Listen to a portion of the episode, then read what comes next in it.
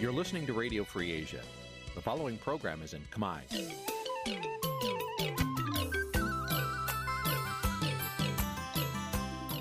នេះជាកម្មវិធីផ្សាយ Vuthu Azizi Serai នេះជាកម្មវិធីផ្សាយរបស់ Vuthu Azizi Serai ជាភាសាខ្មែរ Vuthu Azizi Serai សូមស្វាគមន៍លោកអ្នកនាងទាំងអស់ពីរដ្ឋធានី Washington នៃសហរដ្ឋអាមេរិក ពីរដ្ឋធានី Washington ខ្ញុំបាទធីនសាករិយាសូមជម្រាបសួរលោកអ្នកកញ្ញាទាំងអស់ជាទីមេត្រីយើងខ្ញុំសូមជូនកម្មវិធីផ្សាយសម្រាប់ព្រឹកថ្ងៃអង្គារ900ខែចែកឆ្នាំខាលចត្វាស័កពុទ្ធសករាជ2565ត្រូវនៅថ្ងៃទី26ខែមេសាគ្រិស្តសករាជ2022បាទជាដំបូងនេះសូមអញ្ជើញលោកនាងកញ្ញាស្ដាប់ព័ត៌មានប្រចាំថ្ងៃដែលមានមេត្តាដូចតទៅ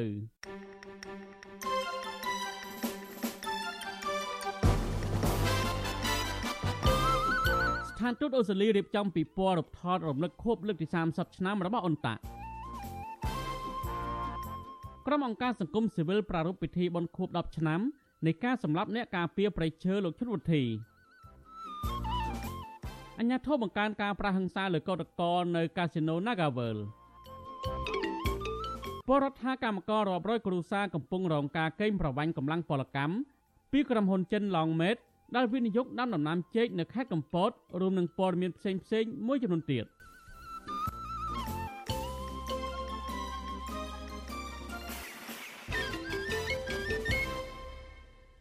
បាទលោកនាយកទីមេត្រីជាបន្តទៅនេះខ្ញុំបាទធីនសាការីយ៉ាសូមជូនព័ត៌មានពុស្ដា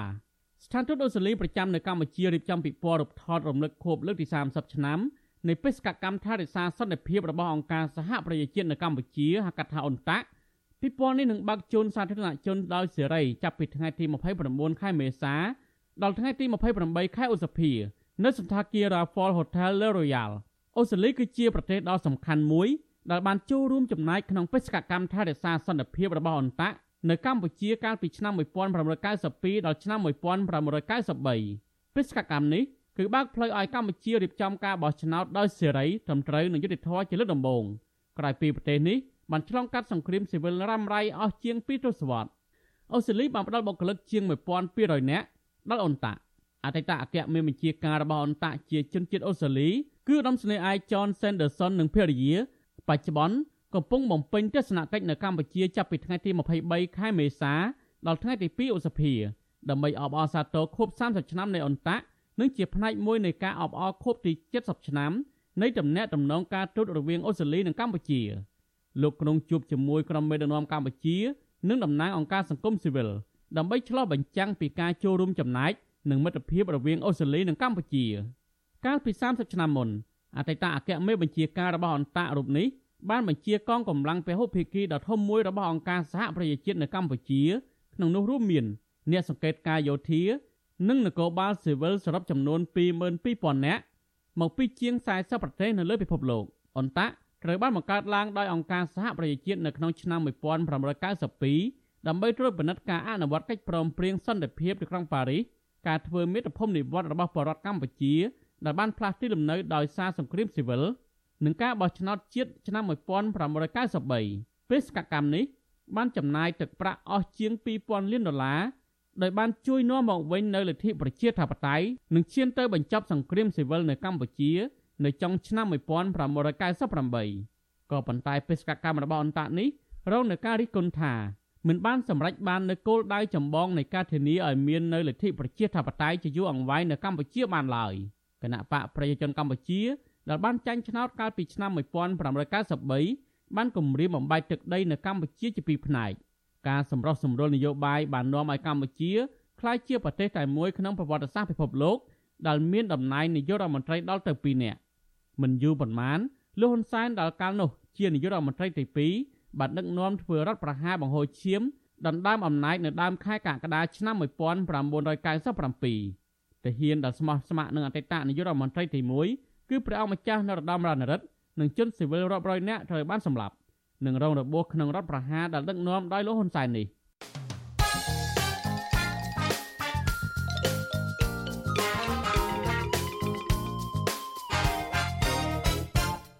បាទលោកនាយកទីមេត្រីតកតងនឹងរឿងរ៉ាវបោះឆ្នោតឃុំសង្កាត់វិញគឺមេឃុំចៅសង្កាត់មកពីគណៈបកមួយចំនួនលើកឡើងថាផ្អែកលើស្នាដៃសមត្ថភាពនិងគោលនយោបាយពួកគេរំពឹងថាប្រជាពលរដ្ឋនឹងបោះឆ្នោតផ្ដាល់សេចក្តីទុកចិត្តដើម្បីឲ្យពួកគេមានឱកាសដឹកនាំឃុំសង្កាត់ដើម្បីអភិវឌ្ឍនិងការគោរពសិទ្ធិមនុស្សស្របតាមគោលការណ៍ប្រជាធិបតេយ្យនៅថ្នាក់មូលដ្ឋានបន្តទៀតមន្ត្រីសង្គមស៊ីវិលមើលឃើញថាបច្ចុប្បន្នអ្នកបោះឆ្នោតយល់ច្បាស់អំពីគុណសម្បត្តិរបស់បេក្ខជនទាំងនោះ មុននឹងសម្រេចចិត្តជ្រើសរើសយកធ្វើជាតំណាងដឹកនាំនៅក្នុងមូលដ្ឋានរបស់ពួកគាត់បាទលោកមានរិទ្ធរាយការណ៍ព័ត៌មាននេះការបោះឆ្នោតជ្រើសរើសក្រុមប្រឹក្សាឃុំសង្កាត់កាន់តែខិតជិតមកដល់គណៈបណ្ឌនយោបាយមួយចំនួនក៏កំពុងមមាញឹកចោះជួបប្រជាពលរដ្ឋដោយបង្ហាញអំពីគុណសម្បត្តិនិងសមត្ថភាពរបស់បេក្ខជនខ្លួនរួមទាំងកិច្ចសន្យាគោលនយោបាយសម្រាប់ដឹកនាំឃុំសង្កាត់ពួកគេរំពឹងខ្ពស់រៀងៗខ្លួនថា ប្រជាពលរដ្ឋនឹងបោះឆ្នោតឲ្យធ្វើជាមេឃុំចៅសង្កាត់ដើម្បីដឹកនាំភូមិឃុំបន្តមួយអាណត្តិទៀតចៅសង្កាត់ស្លាក្រាមក្រុងសៀមរាបនឹងជាបេក្ខជនចៅសង្កាត់មកពីគណបកប្រជាជនកម្ពុជាលោកខៀវសតប្រាវិសុសីសេរីថាការបោះឆ្នោតនេះពេលខាងមុខនេះគឺជាពេលវេលាដែលពលរដ្ឋមើលឃើញអំពីស្នាដៃក្រោមការដឹកនាំរបស់លោក ដែលបានយកចិត្តទុកដាក់និងដោះស្រាយដូចជាការផ្តល់សេវាសង្គមជួយជនក្រីក្រ ការការពារសវត្ថិភាព ទប់ស្កាត់ជំងឺ Covid-19 និងការរៀបចំហេដ្ឋារចនាសម្ព័ន្ធដើម្បីធ្វើឲ្យជីវភាពសុខុមាលភាព និងសេដ្ឋកិច្ចរបស់ប្រជាពលរដ្ឋបានល្អប្រសើរលោកបញ្ជាក់ថាផ្អែកលើគោលនយោបាយនិងសមិទ្ធផលរយៈពេល3អាណត្តិកន្លងមកនេះលោកជឿជាក់ថាពលរដ្ឋនឹងបន្តគ្រប់គ្រងរូបលោកឲ្យដឹកនាំសង្កាត់បន្តទៀតការងារនៅក្នុងការយកចិត្តទុកដាក់ ឬការការពារសន្តិសុខសម្រាប់ស្នាប់ជូនបងប្អូនជាពលរដ្ឋការងារចាំហេដ្ឋារចនាសម្ព័ន្ធនៅក្នុងមូលដ្ឋានមួយនេះខ្ញុំគិតថាជាបរិវត្តគិតពិតជាស្វែងយល់នៅអ្វីអ្វីដែលក្រុមប្រឹក្សារបស់យើងបានធ្វើកន្លងមកក្នុងនោះក៏យើងឃើញថាការបោះឆ្នោតនៅក្នុងពេលខាងមុខនេះគឺជាពលរដ្ឋយើងគិតពិតជាស្វែងយល់នៅអ្នកធ្វើឬក៏អ្នកមិនធ្វើហើយបាទ ចំណែកឯអតីតមេឃុំរបស់គណៈបកសង្គ្រោះជាតិនិងជាបេក្ខជនមេឃុំឈើខ្មៅស្រុកស្អាងខេត្តកណ្ដាលមកពីគណៈបកភ្លើងទៀនលោកផុនសុភីបថាបេក្ខជនរបស់លោកសុទ្ធសឹងតែជាមន្ត្រីជាប់ឆ្នោតមកពីគណៈបកសង្គ្រោះជាតិដែលរដ្ឋាភិបាលបានរំលាយចោលនិងដកហូតតំណែងកាលពីឆ្នាំ2017លោកបន្តថាផ្អែកលើចំណេះដឹងភាពស្មោះត្រង់និងគោលនយោបាយលើកកម្ពស់លទ្ធិប្រជាធិបតេយ្យនិងការគោរពសិទ្ធិមនុស្ស តាមរយៈការដោះស្រាយទំនាស់ដីធ្លីការលុបបំបាត់អំពើពុករលួយ ការងារសង្គមគិច្ចនិងការអភិវឌ្ឍសេដ្ឋកិច្ចមូលដ្ឋាន ជាពិសេសការការពារសិទ្ធិអំណាចរបស់ប្រជាពលរដ្ឋដូច្នេះលោកជឿជាក់ថានឹងទទួលបានតំណែងមេឃុំមកដឹកនាំសារជាថ្មីម្ដងទៀតស្របតាមឆន្ទៈរបស់ពលរដ្ឋដែលចង់ឲ្យមានការផ្លាស់ប្ដូរតាមរយៈការបោះឆ្នោត គោលការណ៍របស់គណៈបកក៏ដូចជាក្រុមពួកខ្ញុំផ្ទាល់គឺប្រជាធិបតេយ្យនិងសិទ្ធិមនុស្សហើយពួកខ្ញុំគឺជាអ្នកបម្រើរបស់ប្រជាពលរដ្ឋអញ្ចឹងប្រជាពលរដ្ឋគាត់មានសិទ្ធិអំណាចអ្វីដែលពួកគាត់មានមតិអ្វីដែលពួកគាត់ធ្វើគឺយើងត្រូវគោរពអ្វីដែលពួកគាត់ចង់បានជាពលរដ្ឋនឹងនឹងផ្ដល់ក្តីសង្ឃឹមមកគណៈបកភ្លើងទៀនវិញហើយពួកគាត់នឹងបោះឆ្នោតយកមេឃុំរបស់គាត់ដែលបាត់បង់ទៅវិញនឹងក្រុមប្រឹក្សាល្អល្អដែលបម្រើគាត់ដោយស្មោះនឹងត្រឡប់មកវិញ ដោយឡែកសមាជិកក្រុមប្រឹក្សាឃុំថ្មពួកស្រុកថ្មពួកខេត្តបន្ទាយមានជ័យនិងជាបេក្ខជនមេឃុំមកពីគណៈបកខ្មែររួបរวมជាតិលោកទឹមញនថ្លែងថាគណៈបករបស់លោកបានដឹកនាំឃុំនេះអស់រយៈពេល2អាណត្តិរួចមកហើយដោយសារតែការយកចិត្តទុកដាក់របស់បេក្ខជន ចំពោះទុកលំបាករបស់ប្រជាពលរដ្ឋលោកបន្តថាការបោះឆ្នោតឃុំសង្កាត់អាណត្តិទី5ខាងមុខនេះគណៈបករបស់លោកបានរក្សាគោលនយោបាយចាស់ ដោយត្រូវបង្កើតឲ្យមានប្រសិទ្ធភាពការងារនៃរដ្ឋបាលឃុំសង្កាត់បន្ថែមទៀតដើម្បីឆ្លើយតបទៅនឹងតម្រូវការជាក់ស្ដែងនៅតាមមូលដ្ឋានខ្ញុំអាចទាវនាវជួយបងប្អូនគឺទុនចូលរួមរបស់បងប្អូនខ្ញុំដើររែងជិះធ្វើផ្លូវពីត្នេះទៅត្នេះ ដូចថាបើសិនតែខ្ញុំបានជាមេឃុំឬចន្ទប់ខ្ញុំអាចចូលធ្វើការមកធ្វើការគឺខ្ញុំបំរើប្រជាពលរដ្ឋឲ្យដល់សេវាដល់ប្រជាពលរដ្ឋរៀងរាល់ម៉ោងធ្វើការខ្ញុំមិនអោយខកខានដូចពីពីគេពីមុនពីមុនទេច្បាប់ជាតិនិងអន្តរជាតិសុទ្ធតែធានាអំពីសិទ្ធិសេរីភាពខាងនយោបាយរបស់ប្រជាពលរដ្ឋក៏ប៉ុន្តែការបោះឆ្នោតជ្រើសរើសក្រុមប្រឹក្សាឃុំសង្កាត់អាណត្តិទី4កន្លងមកនេះ រដ្ឋាភិបាលលោកនាយរដ្ឋមន្ត្រីហ៊ុនសែនបានរំលាយគណៈបកសង្គ្រោះជាតិដែលមានអ្នកគ្រប់គ្រងជាតិពាក់កណ្ដាលប្រទេសនិងបានដកហូតយកអាសនៈឃុំសង្កាត់របស់គណៈបកនេះជាង5000អាសនៈយកទៅចែកគ្នាកាន់កាប់ផ្ទុយពីឆន្ទៈរបស់អ្នកបោះឆ្នោតរីឯបរិយាកាសនិមន្តការបោះឆ្នោតឃុំសង្កាត់អាណត្តិទី5នេះវិញ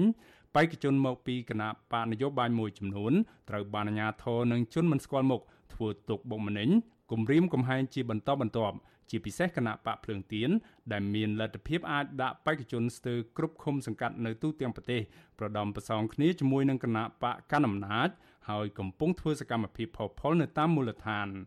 ជុំវិញរឿងនេះអ្នកសម្របសម្រួលផ្នែកអង្គការនៃអង្គការឃ្លាំមើលការបោះឆ្នោតហៅកាត់ថា Confrel លោកកនស្វាង មានប្រសាសន៍ថាសង្គមប្រជាធិបតេយ្យចាត់ទុកការបោះឆ្នោតជ្រើសរើសក្រុមប្រឹក្សាឃុំសង្កាត់ គឺមានសារៈសំខាន់សម្រាប់ប្រជាពលរដ្ឋគ្រប់រូបក្នុងការជ្រើសរើសតំណាងស្របច្បាប់របស់ខ្លួន ដើម្បីអភិវឌ្ឍនិងផ្តល់សេវាសាធារណៈប្រកបដោយប្រសិទ្ធភាពក៏ប៉ុន្តែលោកថាបើសិនបរិយាកាសបោះឆ្នោតមិនធានានៅភាពសេរីត្រឹមត្រូវនឹងយុត្តិធម៌នោះទេនោះនឹងធ្វើឲ្យដំណើរការប្រជាធិបតេយ្យនៅថ្នាក់ឃុំសង្កាត់ជួបនៅបញ្ហា មិនមែនមានន័យថាជាបកហ្នឹងគឺចិត្តដិតសំខាន់ជាងអ្នកនៅមូលដ្ឋានទេឬក៏ថ្នាក់លើហ្នឹងចិត្តដិតជាងមូលដ្ឋានគឺថាពលដែលទៅអនុវត្តហ្នឹងដែលជ្រើសជាបេក្ខជនហ្នឹងដែលដោះស្រាយបញ្ហាហ្នឹងគឺជាមនុស្សបុគ្គលដែលសំខាន់បំផុតដែលប្រជាពលរដ្ឋលេចមើលទោះបីថាការបោះឆ្នោតជើងគឺជាការបោះឆ្នោតបែបលក្ខណៈសមាតក្រោយអញ្ចឹងចំណុចទាំងអស់នេះហើយដែលធ្វើឲ្យប្រជាពលរដ្ឋហ្នឹងបើសិនជាគណៈបកយោបាយណាធ្វើកិច្ចប្រព្រឹត្តទៅបានល្អគាត់ច្បាស់ជាទទួលនៅការគ្រប់គ្រងឲ្យមានការដឹកនាំបន្តទៅទៀតជាមិនខានទេបាទ ការបោះឆ្នោតជ្រើសរើសក្រុមប្រឹក្សាឃុំសង្កាត់នៅថ្ងៃទី5ខែមិថុនាឆ្នាំនេះមានគណៈបណ្ឌនយោបាយសរុបចំនួន17គណៈបកបានដាក់បេក្ខជនដើម្បីត្រៀមចូលរួមប្រកួតប្រជែងនៅក្នុងការបោះឆ្នោតនេះនៅក្នុងចំណោម40គណៈបកដែលបានចុះបញ្ជីនៅក្រសួងមហាផ្ទៃហើយមានប្រជាពលរដ្ឋជាង9លាន2សែននាក់បានចុះឈ្មោះនៅក្នុងបញ្ជីបោះឆ្នោតគណៈអាសនៈសមាជិកក្រុមប្រឹក្សាឃុំសង្កាត់សរុបមានចំនួនជាង11000អាសនៈខ្ញុំបាទមេរិត Visual C ស្រីរាយការណ៍ពីរដ្ឋធានី Washington បានលោកនាយកទីមេត្រីដំណើរគ្នានឹងស្ដាប់ការផ្សាយវិទ្យុអសិរ័យតាមបណ្ដាញសង្គម Facebook និង YouTube លោកនាងក៏អាចស្ដាប់កម្មវិធីផ្សាយរបស់វិទ្យុអសិរ័យតាមរលកធាតុអាកាសខ្លី Resort Wave តាមកម្រិតនិងកម្ពស់ដូចតទៅនេះពេលព្រឹកចាប់ពីម៉ោង5កន្លះដល់ម៉ោង6កន្លះតាមរយៈរលកធាតុអាកាសខ្លី12140 kHz ស្មើនឹងកម្ពស់ 25m និង13715 kHz ស្មើនឹងកម្ពស់ 32m ពេលយប់ចាប់ពីម៉ោង7កន្លះដល់ម៉ោង8កន្លះតាមរយៈរលកធាតុអាកាសខ្លី9960 kHz ស្មើនឹងកម្ពស់ 30m 12140 kHz ស្មើនឹងកម្ពស់ 25m និង11885 kHz ស្មើនឹងកម្ពស់ 25m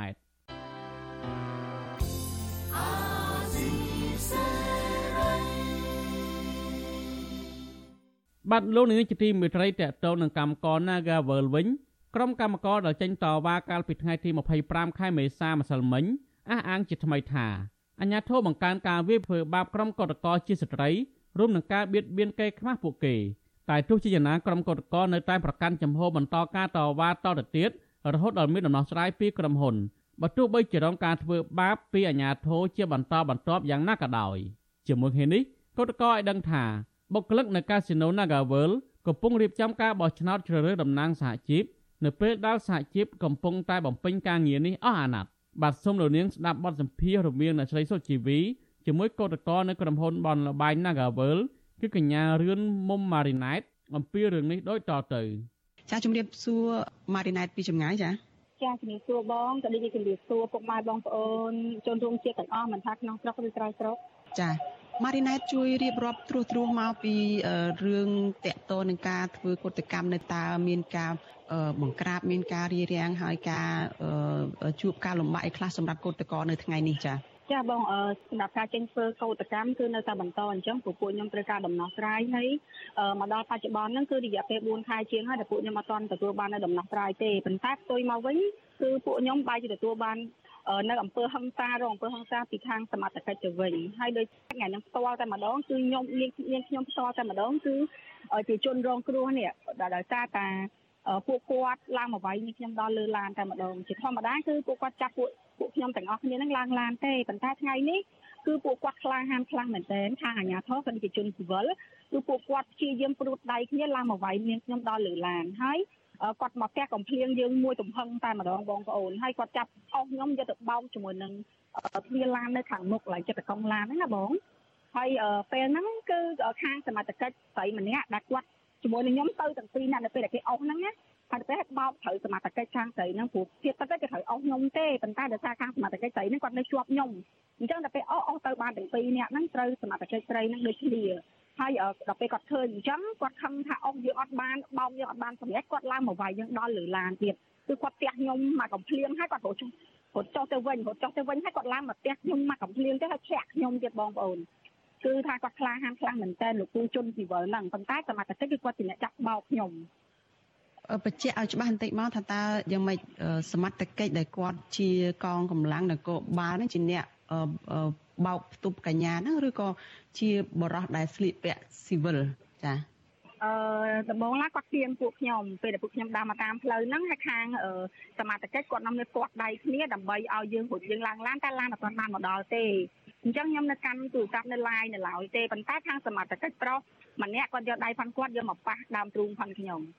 ហើយខ្ញុំក៏ប្រាប់គាត់ថាបងហ่าបងឲ្យប៉ះខ្ញុំហើយអីអញ្ចឹងណាគាត់អត់ខ្វល់ទេគាត់ដឹងតែនៅព្យាយាមប៉ះដើមទ្រូងផាន់យើងនៅដៃនិយាយរួមទៅគឺគាត់ព្យាយាមបៀតបៀនគេខ្មាស់ផាន់យើងតែម្ដងហើយបន្ទាប់មកទៀតនៅពេលហ្នឹងក៏មានខាងសមាជិកប្រុសម្នាក់គាត់អស់ដៃខ្ញុំមួយចំហឹងចេញចេញឲ្យចេញក្រៅក្រៅក្រៅវងអញ្ចឹងណាបងហើយក៏មានជនស៊ីវិលមួយហ្នឹងគាត់ចាប់បោកខ្ញុំខ្ទប់ជាមួយនឹង តកងឡាននៅខាងមុខហ្នឹងហើយក៏មានជនស៊ីវិលរៀងចំណាស់ម្នាក់ទៀតគាត់ឡើងមកផ្ទះកំភ្លៀងខ្ញុំនៅលើឡានផ្ទាល់តែម្ដងប៉ុន្តែមុននឹងគាត់ផ្ទះកំភ្លៀងហ្នឹងនៅពេលដែលគាត់បោកខ្ញុំនៅនៅអាកន្លែងទ្វារឡានតកងឡានខាងមុខហ្នឹងមានជនស៊ីវិលម្នាក់ដែលគាត់គឺឈ្មោះចុចប៊ុនណាតដែលគាត់ត្រូវជាអធិការរងខណ្ឌចំការមនស្គាល់តែម្ដងគឺគាត់ធាក់ខ្ញុំអឺអភ័យទោសបងប្អូនខ្ញុំសូមនិយាយរឿងចំចំតិចហើយគឺគាត់ធាក់ធាក់ខ្ញុំនៅពេលដែលគេលើកជើងខ្ញុំដាក់លើឡានហ្នឹង គាត់ធាក់តាមប្រឡោះយើងយើងហ្នឹងអញ្ចឹងគឺធាក់ត្រូវកន្លែងសំខាន់ផងយើងនឹងឯងអញ្ចឹងគាត់ធាក់មកតំហឹងមកហើយបន្តមកទៀតបានមានជនស៊ីវិលម្នាក់ទៀតដែលខ្ញុំអត់ដឹងពីអត្តសញ្ញាណផងគាត់ទេគឺគាត់ឡើងមកផ្ទះកំភ្លៀងខ្ញុំតែម្ដងនៅលើឡានហ្នឹងគាត់ធាក់ហើយគាត់ផ្ទះកំភ្លៀងខ្ញុំទៀតដូច្នេះអឺគឺជាក្រុមអាជ្ញាធរតែម្ដងដែលប្រើហិង្សាមកលើកញ្ញាអឺ ម៉ារីណែតនឹងតើកញ្ញានឹងធ្វើយ៉ាងម៉េចទៀតទេពីព្រោះបានស្គាល់ឈ្មោះអ្នកដែលទាត់កញ្ញានឹងផងហើយការតវ៉ាជាច្រើនថ្ងៃច្រើនខែមកហើយនេះប្រកាសជាបានដឹង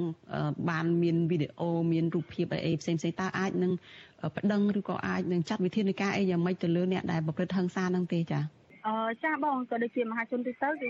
ខ្ញុំនឹងប្តឹងទៅកាន់ពួកគាត់ពួកពួកថាពួកគាត់ព្យាយាមបៀតបៀនគេខ្មាស់ពួកខ្ញុំមិនថាមិនមិនថាមិនលើរូបខ្ញុំទេគឺទូទៅឲ្យតែជាកោតក្រមនុស្សស្រីគឺគាត់តែងតែបៀតបៀនគេខ្មាស់ កាលពី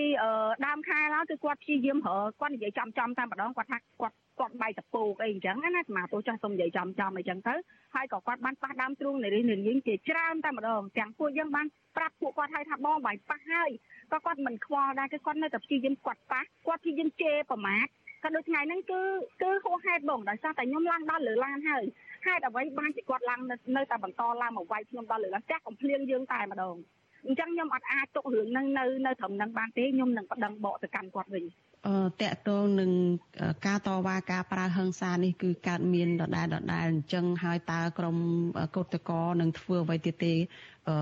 ជាទូទៅវិញថាតើនឹងបន្តការតវ៉ាអញ្ចឹងទេឬក៏មានវិធីសាស្ត្រយុទ្ធសាស្ត្រអីយ៉ាងម៉េចផ្សេងពីនឹងដែរទេដើម្បីឆ្លើយតបឬក៏ធ្វើយ៉ាងណាដើម្បីឲ្យការតវ៉ានឹងអាចសម្រេចទៅបាននោះចា៎ ចាអញ្ចឹងចេញមកពីខាងក្រុមកោតក្រទាំងអស់គឺពួកខ្ញុំនឹងចេញធ្វើកោតកម្មជារៀងរាល់ថ្ងៃដល់រាប់ណាថៅកែ Nagavel គាត់នៅតែកិច្ចវេះពីការពិតគាត់នៅតែមិនព្រមដោះស្រាយនៃវិវាទមួយនេះអញ្ចឹងពួកខ្ញុំនៅតែបន្តចេញព្រោះមកដល់បច្ចុប្បន្នគឺរយៈពេល4ខែជាងហើយដែលខ្ញុំរងចាំដំណោះស្រាយពីថៅកែរបស់ខ្ញុំប៉ុន្តែគាត់បានដោះស្រាយទេអញ្ចឹងខ្ញុំអត់អាចបញ្ឈប់នៅការធ្វើកោតកម្មមួយនឹងបានទេព្រោះខ្ញុំត្រូវការដំណោះស្រាយបងអញ្ចឹងពួកខ្ញុំត្រូវតែចេញមកនៅតែបន្តចេញរាល់ថ្ងៃបង ដាក់ដライមួយទៀតចានៅថ្ងៃនេះព័ត៌មានពីខាងកោតកោមកនឹងបញ្ជាក់ថាក្រុមបុគ្គលិកនៅឯកាស៊ីណូ Nagavel នឹងកំពុងតែរៀបចំជ្រើសរើសសហជីពសម្រាប់អាណត្តិថ្មី បានន័យថាសហជីពដែលគាត់បំពេញការងារកន្លងមកមកដល់ពេលនេះនឹងជាពេលវេលាដែលដាច់អាណត្តិទៅហើយអញ្ចឹងក៏មានការបោះឆ្នោតជ្រើសរើសតំណាងកម្មករជាសហជីពនឹងឡើងវិញ តើមានដំណើរការយ៉ាងម៉េចហើយការធ្វើការបោះឆ្នោតនឹងមានអ្នកណាខ្លះដែលឈរឈ្មោះហើយខាងកោតកោនឹងនឹងចំណាយពេលវេលាជ្រើសរើសតំណាងរបស់ខ្លួននឹងយ៉ាងម៉េចខ្លះចា៎ចាសម្រាប់អាណត្តិថ្មីនេះគឺខាងសហជីព LOSU របស់ពួកខ្ញុំហ្នឹងគឺគាត់នៅតែដំណើរការអញ្ចឹងហើយពួកខ្ញុំក៏កំពុងតែឲ្យបុគ្គលិកទាំងអស់គឺគាត់បោះឆ្នោតចូលរួមបោះឆ្នោតទាំងអស់គ្នាហើយចំណែកឯខាងភាគីក្រុមហ៊ុនក៏គាត់មានសហជីពថ្មីរបស់គាត់ដែលគាត់រើសឡើងហ្នឹងណាបង អញ្ចឹងសម្រាប់ទៅលើខាងកម្មករទាំងអស់គឺគាត់ជាអ្នកសម្រេចចិត្តថាគាត់នៅតែគ្រប់គ្រងសហជីព LOSU ដដែលឬមួយក៏សម្រាប់ចិត្តគ្រប់គ្រងនៅសហជីពថ្មីអញ្ចឹងពួកយើងនឹងរៀបចំការបោះឆ្នោតនៅថ្ងៃខាងមុខនេះឯងបងអឺ ដដែលនឹងបានន័យថាមានកញ្ញាស៊ីធឈឹមស៊ីធលោកស្រីឈឹមសុខុនហើយនឹងប្រមាណអ្នកទៀតដែលធ្លាប់ជួយកម្មករហើយមានមានមានបទចោតជាប់ខ្លួនហើយធ្លាប់ជាប់ឃុំបណ្ដោះអាសន្ននឹងឬក៏អ្នកណាផ្សេងទៀតចា៎ចាគឺពួកគាត់នឹងតែម្ដងបងគឺពួកគាត់នឹងពួកខ្ញុំគ្រប់គ្រងឲ្យគាត់ធ្វើអញ្ចឹងគឺពួកគាត់ទាំងអស់គ្នានឹងឯងបងចាលទ្ធផលឆ្នោតអាចនឹងឲ្យដឹងនៅពេលណាដែរទេចា អឺសម្រាប់រឿងហ្នឹងខ្ញុំក៏អត់ទាន់បានដឹងច្បាស់ដូចគ្នាបងចាអរគុណច្រើនអញ្ចឹងកញ្ញាម៉ារីណែតចាសូមជម្រាបលាចាចាអរគុណបងជម្រាបលាបាទលោកនាងជាទីមេត្រីលោកនាងទៅបានស្ដាប់បទសម្ភាសន៍រវាងអ្នកស្រីសុជីវីជាមួយកោតក្រនៅក្រុមហ៊ុនបនលបៃ Nagavel កញ្ញារឿនមុំម៉ារីណែតជំវិញអាញាធរបង្កើនការប្រាស់ហិង្សាលើកោតក្រអហិង្សានៅកាស៊ីណូ Nagavel បាទលោកនាងជាទីមេត្រីតកតងនឹងការសម្លាប់លោកជុវធីវិញក្រុមអង្គការសមាគមក្រុមយុវជននិងសកម្មជនការពារប្រៃឈើប្រមាណជា40នាក់នៅព្រឹកថ្ងៃទី25មេសាបានរួមគ្នាប្រារព្ធពិធីបាំងស្កូលបែបពុទ្ធសាសនាដើម្បីគម្រប់ខួប10ឆ្នាំនៃការបាញ់សម្លាប់សកម្មជនប្រៃឈើគឺលោកឈុតវុធីពិធីនេះធ្វើឡើងក្នុងការិយាល័យផ្ទះសាមគ្គីក្នុងរាជធានីភ្នំពេញបំណងរំលឹកវីរភាពដ៏អង្អាចក្លាហាន ពលិកម្មរបស់លោកនិងបន្តទៀមទារយុទ្ធធរជូនរូបលោកព្រមទាំងក្រុមគ្រួសារសកម្មជនការពារប្រៃឈើលោកសាន់ម៉ាឡាប្រាប់វិទ្យុអសិរ័យថាការប្រារព្ធពិធីនេះដើម្បីទាមទាររដ្ឋាភិបាលបន្តស្វែងរកយុទ្ធធរដល់លោកជុវវិធី និងក្រានរំលឹកដល់សាធារណជនកុំឲ្យភ្លេចរូបលោកដែលលះបង់អាយុជីវិតដើម្បីបុព្វហេតុជាតិលោកថាពិធីនេះក៏ចង់បញ្ញាអារម្មណ៍រដ្ឋាភិបាល ថាពួកលោកមិនដាល់បំភ្លេចអំពើអយុត្តិធម៌ ឬការបាញ់សម្លាប់វីរជនប្រៃឈើរូបនេះមួយពេលវេលាណាទេការរៀបចំកម្មវិធីបាំងស្កូលពីព្រឹកមិញនេះវាជាផ្នែកមួយដែលបង្ហាញទៅកាន់រដ្ឋាភិបាលថាយើងមិនដែលភ្លេច អំពីភាពអយុត្តិធម៌ឬក៏អំពើបាញ់សម្លាប់ដល់សាហាវព្រៃផ្សៃនេះទេហើយយើងនៅតែបន្តទទូចរដ្ឋាភិបាលពន្លឿននៅក្នុងការផ្ដល់យុត្តិធម៌ទៅដល់ក្រមគ្រួសារទៅដល់ប្រជាពលរដ្ឋខ្មែរក៏ដូចជា ទៅលើតួអង្គលោកឈុតវិធីខ្លួនឯងផងដែរប្រធានអង្គការការពារធនធានធម្មជាតិលោកជវុធីត្រូវបានខ្មាន់កំភ្លើងបាញ់សម្លាប់នៅថ្ងៃទី26ខែមេសាឆ្នាំ2012ការបាញ់សម្លាប់នេះ ធ្វើឡើងក្នុងពេលដែលលោកកំពុងបំពេញបេសកកម្មក្នុងខេត្តកោះកុងដើម្បីស៊ើបអង្កេតពីអក្រិតកម្មប្រៃឈើនៅតំបន់នោះ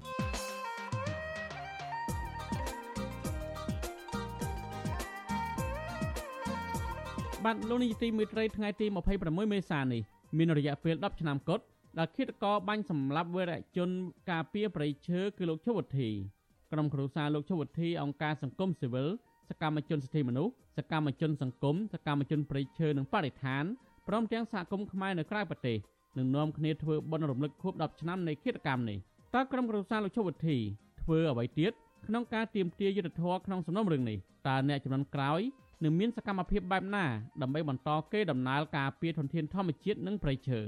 បាទលោកនាងនឹងបានស្ដាប់ការបកស្រាយពីភ្ញៀវរបស់យើងនៅក្នុងនីតិវេទិកាអ្នកស្ដាប់អាស៊ីសេរីជំវិញនឹងបញ្ហានេះ នៅរាត្រីថ្ងៃអង្គារទី26មេសានៅក្នុងការផ្សាយវេលាម៉ោង7កន្លះដល់ម៉ោង9យប់កុំបីខាន បាទបើសិនជាលោកនាងមានសំណួរឬចង់សួរភ្ញៀវរបស់យើងដោយផ្ទាល់លោកនាងអាចដាក់លេខទូរស័ព្ទលោកនាងនៅក្នុងខ្ទង់ comment ឬប្រអប់សារ Messenger Facebook និង YouTube អាស៊ីសេរីក្រុមការងាររបស់យើងនឹងតាក់ទងទៅលោកនាងវិញ បាទសូមអរគុណ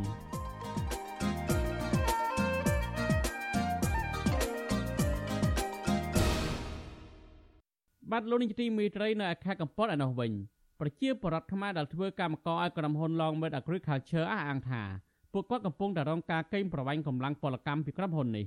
មន្ត្រីសង្គមស៊ីវិលអះអាងដែរថាក្រៅពីកម្មករខ្មែរដែលរងការកេងប្រវ័ញ្ចកម្លាំងពលកម្មកន្លងមកក្រុមហ៊ុនចិនមួយនេះក៏បានរំលោភដីធ្លីប្រជាពលរដ្ឋរាប់រយគ្រួសារដើម្បីយកវិនិយោគដាំដំណាំចេកដែរ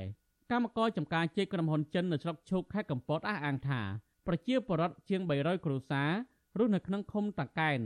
ស្រុកឈុកខេត្តកំពតដែលកំពុងបម្រើការងារនៅក្នុងក្រុមហ៊ុនចិនដែលវិនិយោគដំណាំចេកឈ្មោះ Longmed Agriculture ត្រូវក្រុមហ៊ុនចិនមួយនេះបង្ខំឲ្យធ្វើការងារលើសម៉ោងនិងគ្មានថ្ងៃឈប់សម្រាកកម្មករម្នាក់ដែលជាអ្នកថែកូនចេកនឹងផ្នែកវិកខ្ចប់លោកស្រីឡែនលក្ខណារៀបរាប់ប្រាប់វិទ្យុអាស៊ីសេរីនៅថ្ងៃទី25មេសាថាកម្មករខ្មែរក្នុងក្រុមហ៊ុនមួយនេះបែងចែកច្រើនផ្នែកនិងមានមេការចិនតាមដានជាប្រចាំលោកស្រីបញ្ជាក់ថាកន្លងទៅ ក្រុមហ៊ុនបានគិតប្រាក់ឈ្នួលប្រចាំខែជូនកម្មករក្នុងម្នាក់ម្នាក់ចំនួន180ដុល្លារក្នុងមួយខែប៉ុន្តែលោកស្រីថាក្រោយពីមានជំងឺ Covid-19 រាតត្បាតក្រុមហ៊ុនបានកែប្រែតម្រង់ថ្លៃប្រាក់ឈ្នួលជូនកម្មករដល់ឲ្យកម្មករក្នុងមួយថ្ងៃ30000រៀលវិញ។ និយាយទៅកាលពីមុនយើងពីខែយើងត្រូវបើកមួយឆ្នាំយើងបានម្ដងដល់ពេលហើយវាហួងអា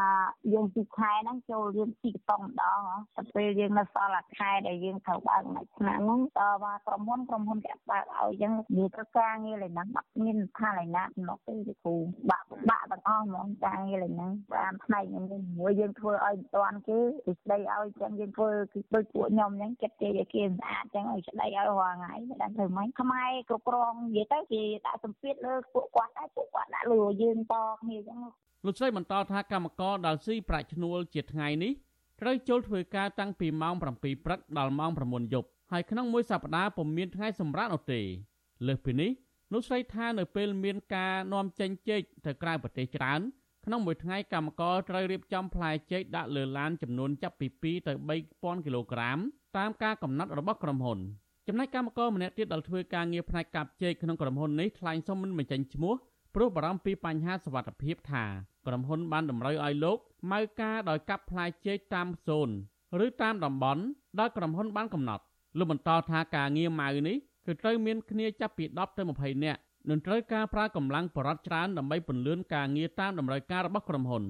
គេថែពីក្រៅមកហើយកាប់កាប់ហើយជាអាស្និតចេកហ្នឹងហើយចិត្តចិត្តឲ្យថ្លឹងថ្លឹងហើយឡើងមកវិចខ្ចប់ដល់យើងខំធ្វើបានចេកច្រើនហើយមិនបានលុយយើងគេបើហ្នឹងបើគេថាកំណត់ឲ្យយើងធ្វើដូចថ្ងៃហ្នឹងគេមានអីដូចកុងណឺកុងអីមកចូលច្រើនគេអាចលះ3000តងអីបើគេថាទៅផ្លះគេកំណត់ឲ្យគេយើងធ្វើហើយយើងធ្វើធ្វើឲ្យគេឲ្យបានគឺតែខ្ញុំគេទៅហត់បងលោកបញ្ជាក់ថាបើក្រុមហ៊ុនមានតម្រូវការនាំចេញចេកដំបងលឿងច្រើន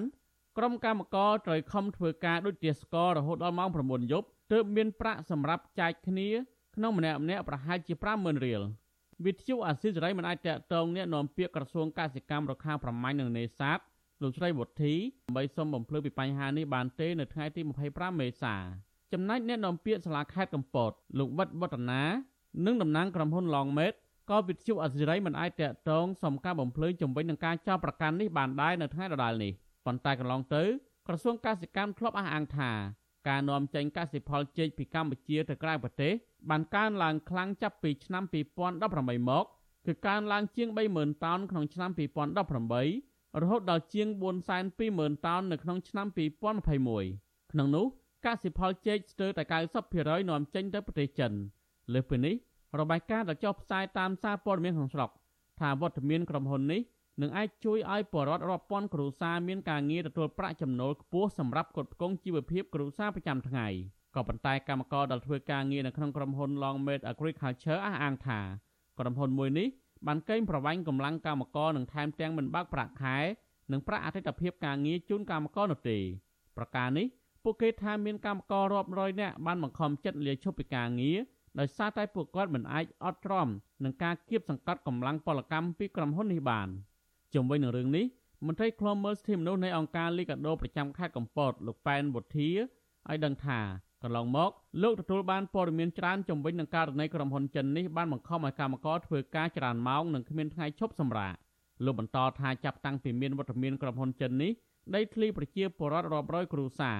ដែលនៅជាប់តំបន់វិនិយោគរបស់ក្រុមហ៊ុនចិនត្រូវបានក្រុមហ៊ុនប្រើប្រាស់កងកម្លាំងសន្តិសុខបំផ្លិចបំផ្លាញផលដំណាំ រំលោភដីធ្លីអ្នកភូមិដែលគ្មានសំណងសមរម្យទេធ្វើឲ្យពលរដ្ឋចេះតែបន្តរងគ្រោះក្នុងរូបភាពស្ងៀមស្ងាត់ហើយមានការផិតភ័យដោយមិនហ៊ានធ្វើការបដិងផ្ដាល់ទៅដល់អាជ្ញាធរពាក់ព័ន្ធហើយជាពិសេសដែលគាត់រងការគម្រាមកំហែងមិនឲ្យបដិងឬក៏បដិញចេញយើងយើងមិនដឹងថាវាយ៉ាងម៉េចគ្រាន់តែយើងបានដណ្ដឹងថាមានការរំលោភសិទ្ធិការងារនៅក្នុងក្រុមហ៊ុននេះប្រជាពលរដ្ឋនិងមន្ត្រីសង្គមស៊ីវិលអំពាវនាវដល់ក្រសួងជំនាញពាក់ព័ន្ធចុះត្រួតពិនិត្យក្រុមហ៊ុននេះឡើងវិញដោយដំណាភាព និងត្រូវពន្លឿនការដោះស្រាយបញ្ហាជូនកម្មករលើសពីនេះក្រុមកម្មការស្នើដល់រដ្ឋាភិបាលជំរុញឲ្យភាគីក្រុមហ៊ុនដំឡើងប្រាក់ឈ្នួលជូនកម្មករឲ្យបានសមរម្យនិងទាមទារឲ្យក្រុមហ៊ុនចិនមួយនេះបញ្ឈប់រាល់ទម្រង់គៀបសង្កត់រំលោភសិទ្ធិការងាររបស់កម្មករតទៅទៀត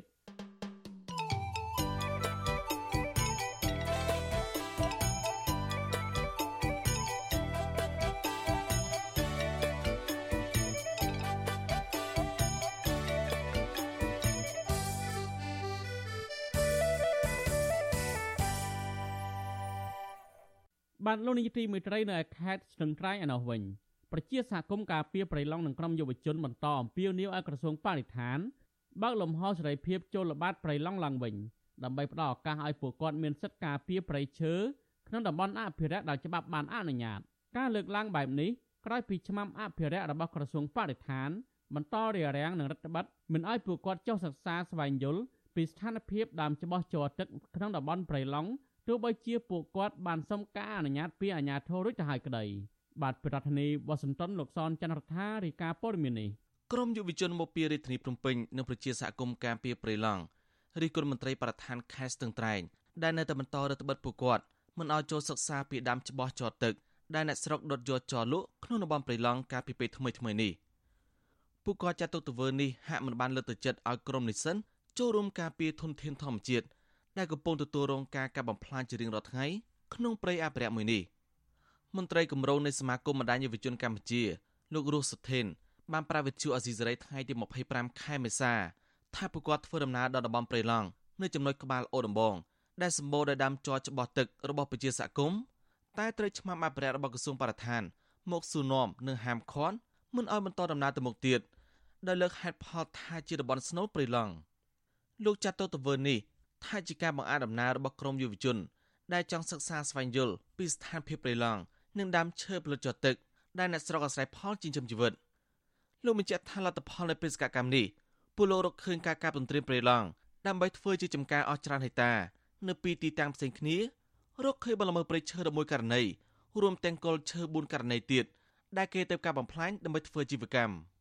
យើងគ្រាន់តែជាការដែលចង់ទៅធ្វើការអភិរក្សធនធានធម្មជាតិព្រៃឈើដូចគ្នាជាមានការហាមឃាត់បែបហ្នឹងវាជារឿងដែលធ្វើការបង្អាក់សម្រាប់យុវជនដែលក្នុងការចុះសិក្សាហើយក៏ជារឿងមួយដែលយើងអត់ចង់ឃើញដែរព្រោះដោយសារតែបើសិនជាយុវជនគាត់ធ្វើការចុះល្បាតព្រៃហើយក្រសួងបរិស្ថានគាត់ក៏មានបំណងក្នុងការការពារធនធានធម្មជាតិព្រៃឈើដូចគ្នាបើសិនជាយើងសហការគ្នាជួយទៅដល់ពួកគាត់វិញទេមិនមែនជាអ្នកបង្អាក់ការងារគាត់ទេ កាលពីថ្ងៃទី23ខែមេសាកន្លងទៅក្រមយុវជនមកពីរាជធានីភ្នំពេញប្រជាសហគមន៍និងមន្ត្រីនគរបាលសរុបជាង20នាក់បានធ្វើដំណើរចូលព្រៃឡង់ឆ្ពោះទៅតំបន់សម្បូរដើមឈើប្រចទឹកនៅចំណុចអូដំបងនៅឃុំកាំងចាមស្រុកថ្លាបរវត្តខេត្តស្ទឹងត្រែងក្រមយុវជនថាមន្ត្រីនគរបាលខេត្តស្ទឹងត្រែងបានចូលរួមសហការកែពីសវត្ថភាពជូនពួកគាត់ដែរវិទ្យុអេស៊ីសេរីមិនតន់តែតតងសុំការបំភ្លឺរឿងនេះពីប្រធានមន្ត្រីបរិស្ថានខេត្តស្ទឹងត្រែង លោកស្រេងជាហេងបានឡើយទេ នៅថ្ងៃទី25ខែមេសាដោយទូរស័ព្ទហៅចូលតែគ្មានអ្នកទទួលប៉ុន្តែមន្ត្រីបរិស្ថានម្នាក់ដែលឈរជើងប្រចាំស្នាក់ការភូមិឌួងឃុំកាំងចាម លោកសានធុនបានប្រាប់ក្រុមយុវជនថាពួកគេមិនអាចចូលព្រៃឡង់ក្នុងតំបន់ស្នូលដោយគ្មានការអនុញ្ញាតបានទេដោយសារប៉ះពាល់ដល់សត្វព្រៃរនៅលោកបញ្ជាក់ថានេះគឺជាបទបញ្ជាពីថ្នាក់លើសមាជិកបណ្ដាញសហគមន៍ការពីព្រៃឡង់ខេត្តសឹងត្រែងលោកខេងខូរៀបរាប់ថាដើមច្បោះចោទឹករបស់លោក កំពុងអាស្រ័យផលមានជាង2600ដើមកំពុងទទួលរងការកាប់ផ្ដួលពីសំណាក់ជនល្មើសអស់ជាច្រើនដើមនៅរយៈពេលប្រមាណសប្តាហ៍ចុងក្រោយនេះលោកថាជារៀងរាល់ខែគ្រួសាររបស់លោកអាចដងជាប់ទឹកលក់បានចំណូលជាង1លានរៀលក្នុងមួយខែលោកបន្ថែមថាប្រព័ន្ធក្នុងឃុំកាំងចាមប្រហែលជាង70%មានដើមជាប់ច្បាស់ក្នុងព្រៃឡង់ក៏ប៉ុន្តែប្រព័ន្ធខ្លះទៀតបានបោះបង់មុខរបរនេះដោយសារដើមច្បាស់ជាប់ទឹករបស់ប្រព័ន្ធត្រូវបានគេលួចកាប់អស់ បទល្មើសដឹកជញ្ជូនឈើកាត់ពីស្នាក់ការគាត់អត់មានធ្វើការហាមគាត់ទេដោយសារគាត់ប្រហែលជាបានថាវិការពីបទល្មើសហើយបានគាត់មិនដាក់ធ្វើការហាមគាត់ហើយនឹងយកជនដែលប្រព្រឹត្តបទល្មើសទន្ទ្រានចំចិត្តយកទៅផ្ដន់ទាទោសអានឹងមួយដែលខ្ញុំសំណូមពរឲ្យមន្ត្រីសហគមន៍ជាតិនេះមេត្តាពង្រឹងផ្លូវច្បាប់មែនទែនទាក់ទងនឹងបទល្មើសព្រៃឈើព្រោះអីបទល្មើសព្រៃឈើនៅភូមិចាំមិនថាដីរដ្ឋមិនថាដីតំបន់ការពារទេវាកំពុងតែរងផលប៉ះពាល់ជាច្រើនមែនទែនជុំវិញរឿងនេះមន្ត្រីសង្គមស៊ីវិលចាត់ទុកថាការរដ្ឋបတ်ប្រជាសហគម ន៍និងក្រមយុវជនមិនឲ្យចូលបានព្រៃឡង់ជាចេតនារបស់ក្រសួងបរិស្ថានដើម្បីលាក់បាំងព័ត៌មានពីក្រតកម្មព្រៃឈើដែលកំពុងតែកើតមានមន្ត្រីសម្របសម្រួលសមាគមការពារសិទ្ធិមនុស្សអាត់ហុកខេត្តសង្ត្រៃលោកប៊ីវនីសង្កេតឃើញថារូបភាពបលល្មើសព្រៃឈើក្នុងព្រៃឡង់មានពីរប្រភេទគឺការកាប់ឈើលក់និងកាប់ព្រៃទន្ទ្រានដើម្បីយកដីធ្វើចំការកំពុងកើតមានច្រើនដែលទាមទារក្រមយុវជននិងប្រជាសហគមន៍រួមគ្នាការពារលោកថាទង្វើរបស់ឆ្មាំអភិរក្សរបស់ក្រសួងបរិស្ថាន មិនបានលើកទឹកចិត្តឲ្យក្រមនិស្សិតស្វែងយល់បានទូលំទូលាយពីធនធានធម្មជាតិដែលកំពុងតែប្រឈមគ្រោះថ្នាក់នោះទេដែលជាហេតុធ្វើឲ្យប្រៃឈើកាន់តែបាត់បង់។ ការហាមឃាត់នឹងវាអត់ត្រឹមត្រូវទៅតាមនីតិវិធីច្បាប់ទេវាមួយយើងនិយាយថាតំបន់ហាមឃាត់តំបន់អីអភិរក្សសត្វព្រៃផ្អើលសត្វព្រៃស្អីហ្នឹងវាផ្លែងក្នុងតំបន់ព្រៃឡង់ហ្នឹងវាអត់ទាន់មានវាអត់ទាន់មានបញ្ជាក់ណាតំបន់ណាដែលត្រូវបានដាក់ផ្លាកហាមឃាត់ចូលហើយតំបន់ណាដែលដែលមិនឲ្យចូលអញ្ចឹងណាពីព្រោះតំបន់ដែលដែលក្រមនិស្សិតនិងសហគមន៍នាំទៅមើលហ្នឹងគឺសិតតែដើមចូលច្បាស់របស់ប្រជាពលរដ្ឋទេរបស់បណ្ដាញសហគមន៍ទេប្រជាសហគមន៍ព្រៃឡង់បន្ថែមថាចលនាការបំផ្លាញព្រៃឡង់នឹងការមានច្រើនឥតស្រាកស្រាន ក៏ប៉ុន្តែមន្ត្រីបរដ្ឋានមិនបានអនុវត្តច្បាប់លើជនល្មើសទាំងអស់នោះទេបែរជារដ្ឋបတ်លើប្រជាសហគមន៍និងក្រមយុវជនមិនឲ្យល្បាតព្រៃជាង2ឆ្នាំមកហើយកាលពីពាក់កណ្ដាលឆ្នាំ2020ប្រជាសហគមន៍ព្រៃឡង់រកឃើញថាដីព្រៃអភិរក្សក្នុងដែនជម្រកព្រៃឡង់មួយនេះមានទំហំជាង2600ហិកតាគ្រប់គ្រងដោយក្រសួងបរិស្ថាននៅឃុំកាំងចាមស្រុកថ្លាបរវ័នទទួលរងការឈូសឆាយទន្ទ្រានកាន់កាប់ហើយលក់ដូរអនាធិបតេយ្យពួកគេបារម្ភថាទំហំព្រៃឡង់នឹងកាន់ទរំតូចពីមួយឆ្នាំទៅមួយឆ្នាំ ដោយសារសកម្មភាពឈូសឆាយនិងការទន្ទ្រានដោយខុសច្បាប់ខ្ញុំសនចាររថាវិទ្យុអេស៊ីសេរីរាយការណ៍ពីរដ្ឋធានីវ៉ាស៊ីនតោនបាទលោកនាយកទីមេត្រីក្នុងឱកាសនេះដែរខ្ញុំបាទសូមថ្លែងអំណរគុណដល់លោកនាងកញ្ញាទាំងអស់ដែលតែងតែមានភក្ដីភាពចំពោះការផ្សាយរបស់យើងហើយចាត់ទុកការស្ដាប់អសិរ័យជាផ្នែកមួយនៃសកម្មភាពប្រចាំថ្ងៃរបស់លោកនាងការគ្រប់គ្រងរបស់លោកនាងនេះហើយដែលធ្វើឲ្យយើងខ្ញុំមានទឹកចិត្តកាន់តែខ្លាំងថែមទៀតក្នុងការស្វែងរកនិងផ្តល់ព័ត៌មានជូនលោកនាង មានអ្នកស្ដាប់មានអ្នកទស្សនាកាន់តែច្រើនកាន់តែធ្វើឲ្យយើងខ្ញុំមានភាពស្វាហាប់មកមុតជាបន្តទៅទៀតយើងខ្ញុំសូមអរគុណទុកជាមុនហើយសូមអញ្ជើញលោកនាងកញ្ញាចូលរួមជំរុញសកម្មភាពផ្តល់ព័ត៌មានរបស់យើងនេះកាន់តែជោគជ័យបន្ថែមទៀតលោកនាងអាចជួយយើងខ្ញុំបានដោយគ្រាន់តែចុចចែករំលែកឬ share ការផ្សាយរបស់យើងនៅលើបណ្ដាញសង្គម Facebook និង YouTube ទៅកាន់មិត្តភ័ក្តិដើម្បីឲ្យការផ្សាយរបស់យើងបានទៅដល់មនុស្សកាន់តែច្រើន សូមអរគុណ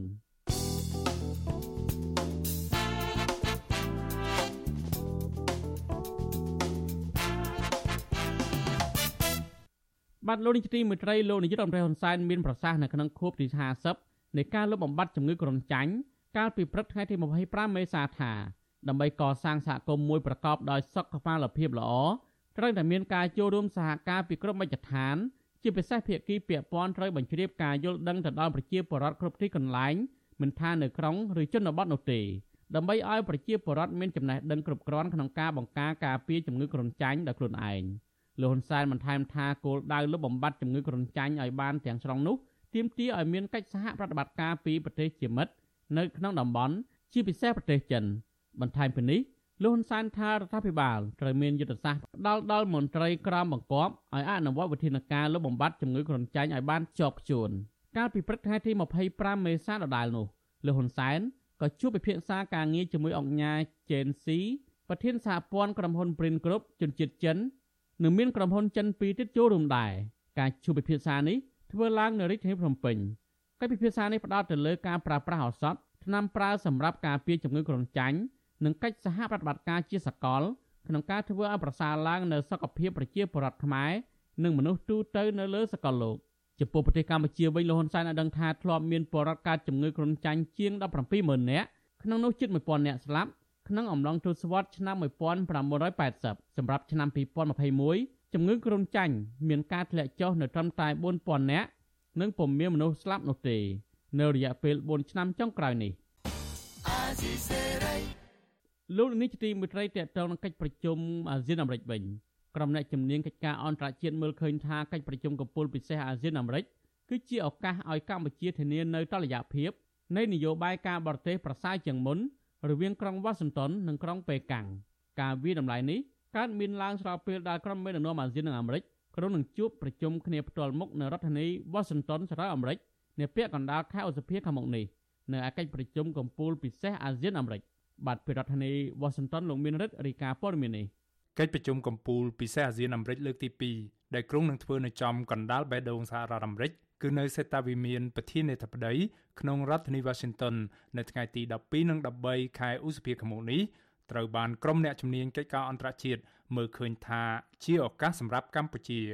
ឱកាសគឺនៅត្រង់ថាកម្ពុជា ក្នុងនាមជាប្រធានបដូវវេនអាស៊ានត្រូវធ្វើយ៉ាងណាបង្ហាញចំហឲ្យសហរដ្ឋអាមេរិកនិងក្រុមប្រទេសលោកខាងលិចមើលឃើញថាខ្លួនពិតជាប្រកាន់ខ្ជាប់ នៅតុល្យភាពនៃគោលនយោបាយការបរទេស ដឹកនាំអាស៊ាន ដោយមិនផ្អៀងខ្លាំងទៅរកប្រទេសចិនកុម្មុយនីសនោះទេសាស្ត្រាចារ្យផ្នែកទំនាក់ទំនងអន្តរជាតិនៅសាកលវិទ្យាល័យមួយនៃប្រទេសថៃ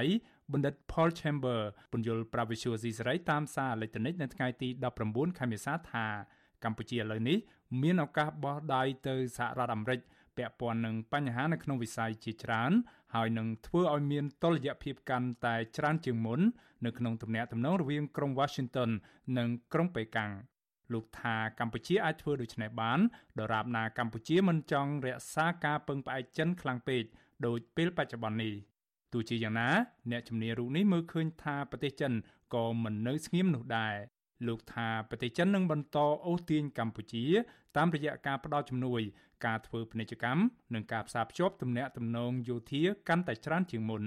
លោកប្រមានថាកម្ពុជាចាំបាច់ត្រូវតែប្រយ័ត្នប្រយែងមិនត្រូវធ្លាក់ចូលក្នុងអន្ទាក់បំណុលរបស់ប្រទេសចិននោះទេ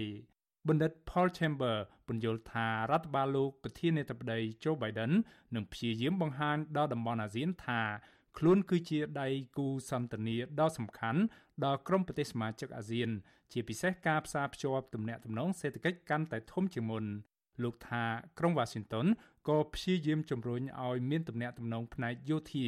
កាន់តែខ្លាំងជាងមុនជាមួយតំបន់អាស៊ានពាក់ព័ន្ធនឹងតំបន់អាស៊ីប៉ាស៊ីហ្វិកដែលសេរីនិងបើកចំហដែលមានគោលដៅប្រឆាំងទៅនឹងឥទ្ធិពលរបស់ចិន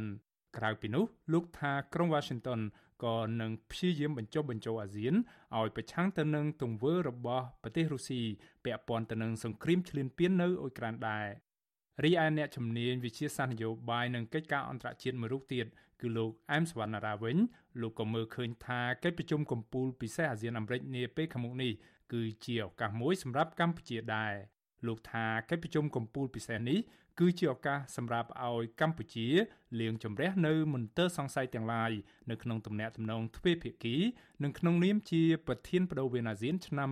2022នេះ។ ខ្ញុំគិតថាកម្ពុជានឹងលើកយកបញ្ហាមួយចំនួនមានហេតុតែបន្ទិលសង្ស័យពាក់ព័ន្ធនឹងវត្តមានយោធាចិត្តនៃកម្ពុជាជាដើមនឹងលើកយកមកជជែកគ្នានិងកសាងដោះស្រាយជំនឿទុកចិត្តគ្នាឲ្យជួយជាក់គ្នាតាមកិច្ចសហប្រតិបត្តិការត្រង់ទៅត្រង់មកបើយើងនិយាយទៅតម្លាភាពហ្នឹងមិនមិនសល់នៅតែភាពសង្ស័យទេអាចនាំមកផលអវិជ្ជមានដល់នយោបាយការបរទេសកម្ពុជាហើយចំណុចមួយទៀតខ្ញុំគិតថាកង្វល់ដែលសហគមន៍អន្តរជាតិនិងសហរដ្ឋអាមេរិកលើកឡើងក៏យកបញ្ហាសំខាន់រឿងសិទ្ធិមនុស្សនៅក្នុងតំបន់អាស៊ានដែលនៅក្នុងរួមមានដំណោះស្រាយបញ្ហានៅកម្ពុជាបញ្ហាសន្តិសុខនៅក្នុងប្រទេសភូមានៅក្នុងសមុទ្រចិនខាងត្បូងនិងលើកយកជជែកលោកអែមសវណ្ណារាបន្តថាទាំងកម្ពុជានិងអាស៊ាន មើលឃើញពីតម្លៃនៃការទាញយកផលប្រយោជន៍ពីទំនាក់ទំនងពាណិជ្ជកម្មនិងការទូតជាមួយសហរដ្ឋអាមេរិកឲ្យបានប្រសើរបន្ថែមទៀតនៅមុនកិច្ចប្រជុំកំពូលពិសេសជាមួយសហរដ្ឋអាមេរិកនេះកម្ពុជាហាក់បង្ហាញជំហរផ្គប់ចិត្តក្រុមប្រទេសលោកខាងលិចជាពិសេសសហរដ្ឋអាមេរិកនៅក្នុងនោះ កម្ពុជាបានបោះឆ្នោតគាំទ្រសេចក្តីសម្រេចរបស់អង្គការសហជីវជាតិថ្កោលទោសនិងទាមទារឲ្យរុស្ស៊ីបញ្ឈប់ជាបន្ទាន់នៅសង្គ្រាមឈ្លានពាននៅក្នុងប្រទេសអ៊ុយក្រែនចុងក្រោយនេះកម្ពុជាក៏បានប្រកាសគាំទ្រការចង់ឃើញសហរដ្ឋអាមេរិកលើកកម្ពស់នៅទំនាក់ទំនងអាស៊ានសហរដ្ឋអាមេរិកឲ្យคล้ายទៅជាទំនាក់ទំនងភាពជាដៃគូគ្រប់ជ្រុងជ្រោយដោយដែលអាស៊ានកំពុងតែមានជាមួយប្រទេសចិនដែរ អ្នកនាំពាក្យក្រសួងការបរទេសកម្ពុជា លោកជុំសន្តិរីបញ្ជាក់ប្រាវិសុយស៊ីស្រីតាមបណ្ដាញសង្គម Telegram នៅថ្ងៃទី19ខែមេសាថាកម្ពុជាគ្រប់គ្រងកិច្ចពិគ្រោះយោបល់ប្រកបដោយការស្ថាបនារបស់សហរដ្ឋអាមេរិកនៅក្នុងតំបន់ជាពិសេសនៅក្នុងសមាគមអាស៊ានលោកបន្តថាការគ្រប់គ្រងនេះក៏រាប់បញ្ចូលទាំងការលើកកម្ពស់នៅទំនាក់ទំនងទ្វេភាគីរវាងប្រទេសទាំងពីរគឺកម្ពុជានិងសហរដ្ឋអាមេរិកផងដែរ នៅក្នុងន័យនេះអ្នកនាំពាក្យក្រសួងការបរទេសកម្ពុជាគូបញ្ជាក់ថាកម្ពុជាគ្រប់គ្រងជាគោលការណ៍ការលើកកម្ពស់នៅទំនាក់ទំនងរវាងអាស៊ាននិងសហរដ្ឋអាមេរិកឲ្យคล้ายទៅជាភាពជាដៃគូយុទ្ធសាស្ត្រគ្រប់ជ្រុងជ្រោយដែលក្រុមប្រទេសសមាជិកអាស៊ានដទៃទៀតក៏កំពុងពិចារណាដែរបច្ចុប្បន្នទំនាក់ទំនងរវាងសហរដ្ឋអាមេរិកនិងតំបន់អាស៊ានគឺជាទំនាក់ទំនងត្រឹមតែជាដៃគូសន្តិនិក ទំនាក់ទំនងនេះត្រូវបានបង្កើតឡើងតាំងពីឆ្នាំ1977មកទំនាក់ទំនងភាពជាដៃគូកិច្ចសន្ទនានេះផ្ដោតលើវិស័យចម្បងចម្បងចំនួន5រួមមានការធ្វើសមារណកម្មសេដ្ឋកិច្ចកិច្ចសហប្រតិបត្តិការលំហសមុទ្រអនាគតមេដឹកនាំឱកាសសម្រាប់ស្ត្រី និងបញ្ហាប្រឈមឆ្លងដែនក្រុមអ្នកជំនាញកិច្ចការអន្តរជាតិ រំពឹងថាការលើកកម្ពស់នៅទំនាក់ទំនងរវាងអាស៊ាននិងសហរដ្ឋអាមេរិកឲ្យក្លាយទៅជាភាពជាដៃគូយុទ្ធសាស្ត្រគ្រប់ជ្រុងជ្រោយនេះនឹងក្លាយជាលទ្ធផលផ្លែផ្កាមួយក្រោយកិច្ចប្រជុំកំពូលពិសេសអាស៊ានអាមេរិកដែលនឹងប្រព្រឹត្តទៅនៅថ្ងៃទី12ដល់ថ្ងៃទី13ខែឧសភាខាងមុខនេះនៅរដ្ឋធានី Washington កិច្ចប្រជុំកំពូលពិសេសនេះក៏ធ្វើឡើងដើម្បីអបអរសាទរដល់ទំនាក់ទំនងរវាងអាស៊ាននិងសហរដ្ឋអាមេរិកដែលមានរយៈពេល45ឆ្នាំមកហើយ។ ការប្រជែងអធិបុលគ្នារវាងមហាអំណាចសហរដ្ឋអាមេរិកនិងចិន កំពុងក្លាយជាបញ្ហាប្រឈមកាន់តែខ្លាំងមួយ សម្រាប់តំបន់អាស៊ីអាគ្នេយ៍ឬតំបន់អាស៊ានជារួម ដែលព្យាយាមបង្ហាញជំហរតុល្យភាព ចំពោះមហាអំណាចទាំងពីរកាលពីឆ្នាំ2021ប្រទេសចិននិងអូស្ត្រាលីបានបង្កើនទំនាក់ទំនងជាមួយអាស៊ានឲ្យក្លាយទៅជាទំនាក់ទំនងភាពជាដៃគូយុទ្ធសាស្ត្រគ្រប់ជ្រុងជ្រោយ អ្នកនាំពាក្យសេតាវិមានប្រធានាធិបតីអាមេរិកអ្នកស្រី Jen Psaki ឲ្យដឹងតាមរយៈសេចក្តីប្រកាសព័ត៌មានកាលពីថ្ងៃទី16ខែមេសាថាកិច្ចប្រជុំកំពូលពិសេសនេះនឹងបង្ហាញឲ្យឃើញពីការបដិញ្ញាចិត្តដ៏យូរអង្វែងរបស់សហរដ្ឋអាមេរិកចំពោះតំបន់អាស៊ានអ្នកស្រីថារដ្ឋបាលលោកប្រធានាធិបតី Joe Biden ដាក់ចេញនៅអាទិភាពកម្ពុជាធ្វើជាដៃគូដ៏រឹងមាំនិងគួរឲ្យទុកចិត្តនៅក្នុងតំបន់អាស៊ីអាគ្នេយ៍ អ្នកនាំពាក្យសេតាវិមានប្រធានាធិបតីអាមេរិករូនេះសង្កត់ធ្ងន់ថាបំណងប្រាថ្នារួមគ្នារបស់សហរដ្ឋអាមេរិកគឺចង់ឲ្យមាននៅតំបន់ Indo-Pacific មួយដែលសេរីបើកចំហមានសន្តិសុខការតភ្ជាប់និងភាពធន់កិច្ចប្រជុំកំពូលពិសេសនេះនឹងធ្វើឡើងដោយផ្អែកលើការចូលរួមរបស់ប្រធានាធិបតីអាមេរិកនៅឯកិច្ចប្រជុំកំពូលអាស៊ានអាមេរិកកាលពីខែតុលាឆ្នាំកន្លងទៅ ដែលនៅពេលនោះប្រធានាធិបតីអាមេរិក បានប្រកាសផ្តល់ថវិកាជាង100លានដុល្លារអាមេរិកទៅដល់តំបន់អាស៊ានទាំងមូលលោកអែមសវណ្ណារាមើលឃើញថាកិច្ចប្រជុំកំពូលពិសេសអាស៊ានអាមេរិកនេះគឺជាឱកាសដែលក្រុមប្រទេសអាស៊ាន បង្ហាញពីគោលនយោបាយការបរទេសរបស់ខ្លួនឲ្យបានច្បាស់លាស់ជាមួយសហរដ្ឋអាមេរិកស្របពេលដែលប្រទេសមួយចំនួន ដូចជាកម្ពុជានិងឡាវ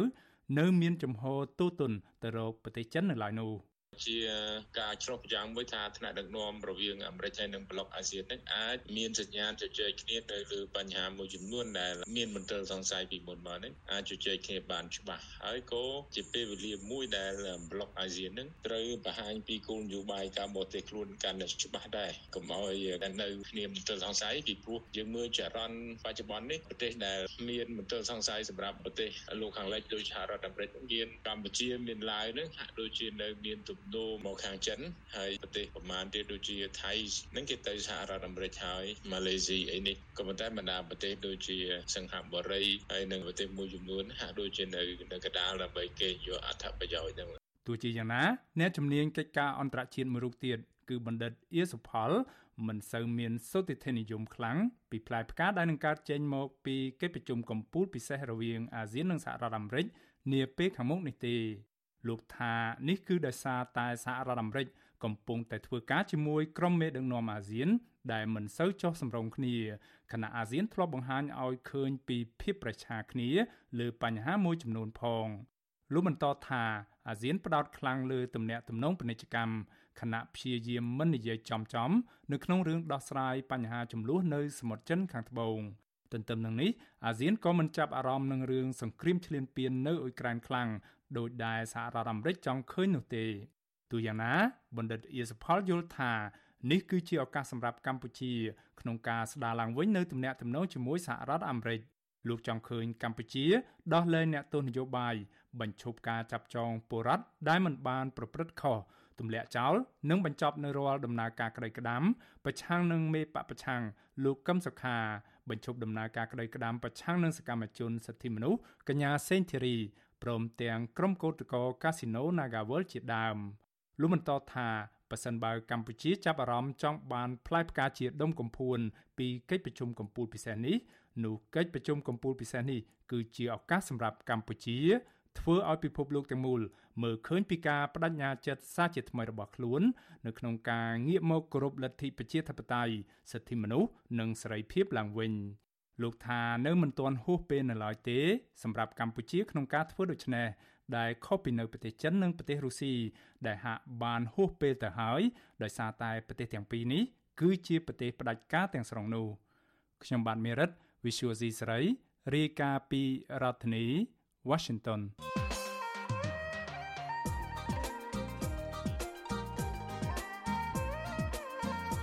បាទលោកនាយទីមេត្រីថ្ងៃទី26មេសានេះ មានរយៈពេល10ឆ្នាំគត់ដែលឃាតករបាញ់សម្លាប់វេរជនការពារប្រៃឈើគឺលោកឈុវុធីក្រុមគ្រួសារលោកឈុវុធីអង្គការសង្គមស៊ីវិលសកម្មជនសិទ្ធិមនុស្សសកម្មជនសង្គមសកម្មជនប្រៃឈើនិងបរិស្ថានព្រមទាំងសហគមន៍ខ្មែរនៅក្រៅប្រទេសនឹងនាំគ្នាធ្វើបុណ្យរំលឹកខួប10ឆ្នាំនៃឃាតកម្មនេះតើក្រុមគ្រួសារលោកឈុវុធីធ្វើអ្វីទៀតក្នុងការទៀមទាយុទ្ធធរក្នុងសំណុំរឿងនេះតើអ្នកចំនួនក្រោយ នឹងមានសកម្មភាពបែបណាដើម្បីបន្តកេរដំណើរការពារធនធានធម្មជាតិនិងប្រៃឈើបាទលោកនាងនឹងបានស្ដាប់ការបកស្រាយពីភ្ញៀវរបស់យើងនៅក្នុងនីតិវេទិកាអ្នកស្ដាប់អាស៊ីសេរីជំវិញនឹងបញ្ហានេះនៅរាត្រីថ្ងៃអង្គារទី26មេសានៅក្នុងការផ្សាយវេលាម៉ោង7កន្លះដល់ម៉ោង9យប់កុំបីខាន បាទបើសិនជាលោកនាងមានសំណួរឬចង់សួរភ្ញៀវរបស់យើងដោយផ្ទាល់លោកនាងអាចដាក់លេខទូរស័ព្ទលោកនាងនៅក្នុងខ្ទង់ comment ឬប្រអប់សារ Messenger Facebook និង YouTube អាស៊ីសេរីក្រុមការងាររបស់យើងនឹងតាក់ទងទៅលោកនាងវិញ បាទសូមអរគុណ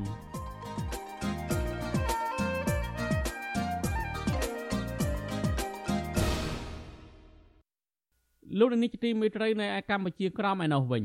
សហព័ន្ធខ្មែរក្រមប្រដូចផ្ដាំកំណត់បង្កើតទង់ជាតិកម្ពុជាក្រមសម្រាប់ប្រើប្រាស់ជំវិញពិភពលោកនិងនៅលើទឹកដីកម្ពុជាក្រមតើទង់ជាតិខ្មែរកម្ពុជាក្រមមានអត្ថន័យនិងមានលក្ខណៈសម្គាល់ដូចម្តេចខ្លះ បាទប្រធានាធិបតីវ៉ាស៊ីនតោនលោកយុនសាមៀនរាយការណ៍ព័ត៌មាននេះទង់ជាតិខ្មែរកម្ពុជាក្រោមបានជួយថែរក្សាអត្តសញ្ញាណខ្មែរក្រោមដើម្បីសម្គាល់ជាប្រជាជាតិមួយរស់នៅលើទឹកដីកម្ពុជាក្រោមឲ្យបានគង់វង្សនៅលើឆាកអន្តរជាតិអនុប្រធាននាយកដ្ឋានព័ត៌មាននៃសហព័ន្ធខ្មែរកម្ពុជាក្រោមលោកថាច់ព្រីជាគឿនលើកឡើងថាខ្មែរក្រោមមិនប្រើប្រាស់ទង់ជាតិនៃប្រជាណាចក្រកម្ពុជាព្រោះខ្មែរក្រោម ចង់ឲ្យគេស្គាល់និមិត្តរូបនៃអត្តសញ្ញាណខ្មែរកម្ពុជាក្រោមជំហានដំបូងហ្នឹងគឺយើងបង្កើតនៅអត្តសញ្ញាណរបស់ខ្លួនដើម្បីពិភពលោកហ្នឹងបានដឹងថាយើង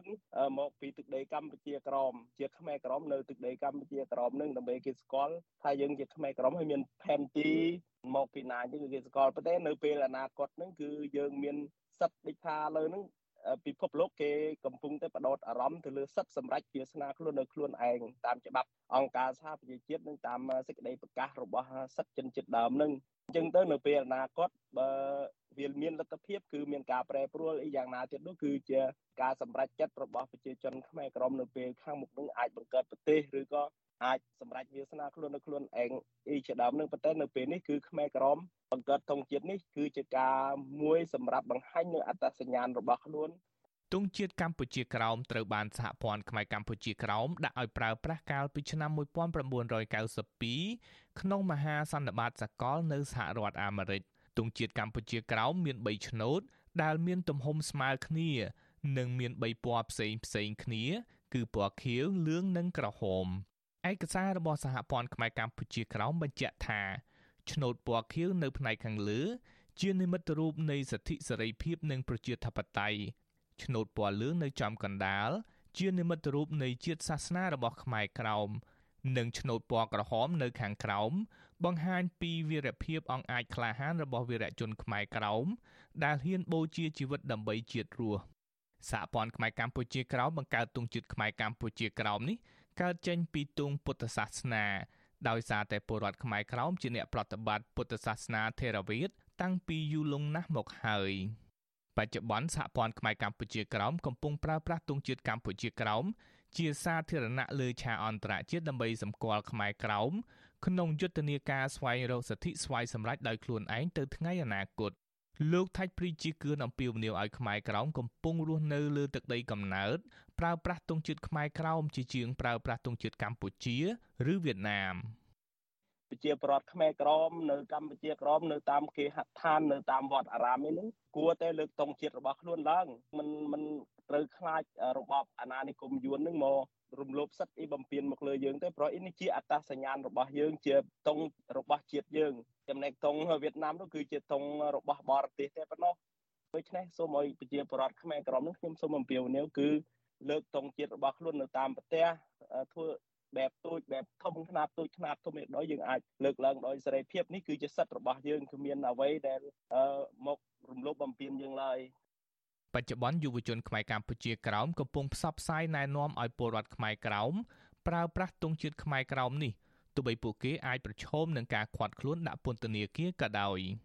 យុវជនខ្មែរក្រោមលោកយឿងខៃប្រាប់វិទ្យុអាស៊ីសេរីកាលពីថ្ងៃទី24មេសាថា កាលពីពេលថ្មីថ្មីនេះអាញាធរវៀតណាមបានគម្រាមកំហែងលោករឿងលោកផ្សព្វផ្សាយរូបភាពទង់ជាតិកម្ពុជាក្រោម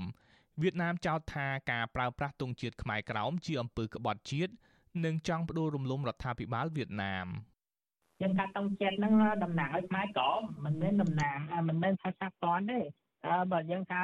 តុងចិត្តថាសាព័ន្ធគេយល់តែថាយើងក៏កាត់ជាមួយសាព័ន្ធទៅដូចលំរដ្ឋាភិបាលក្បាត់ចិត្តគាត់អីយើងទៅខាងបង្ក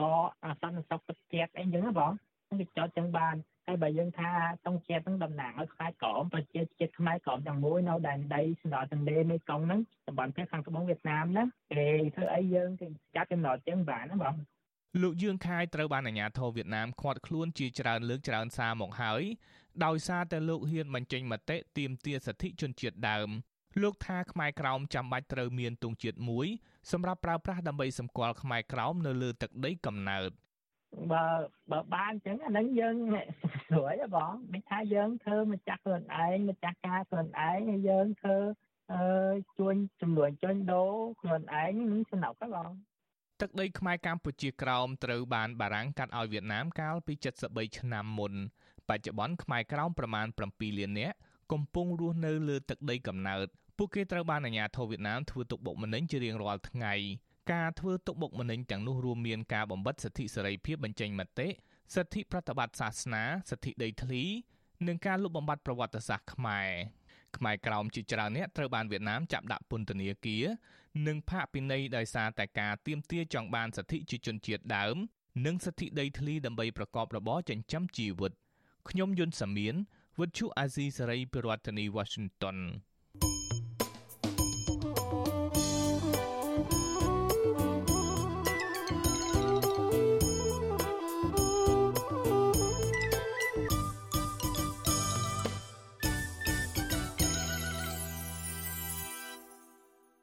បាទលោកនាងជាទីមេត្រីការផ្សាយរយៈពេល1ម៉ោងនៃវិទ្យុអាស៊ីសេរីជាភាសាខ្មែរនៅពេលនេះចប់តែប៉ុណ្ណេះ យើងខ្ញុំសូមជូនពរដល់លោកនាងព្រមទាំងក្រុមគ្រួសារទាំងអស់ឲ្យជួបប្រកបតែនឹងសេចក្តីសុខចម្រើនរុងរឿងកុំបីឃ្លៀងឃ្លាតឡើយខ្ញុំបាទទីនសាករិយាព្រមទាំងក្រុមការងារទាំងអស់នៃវិទ្យុអាស៊ីសេរីសូមអរគុណនិងសូមជម្រាបលា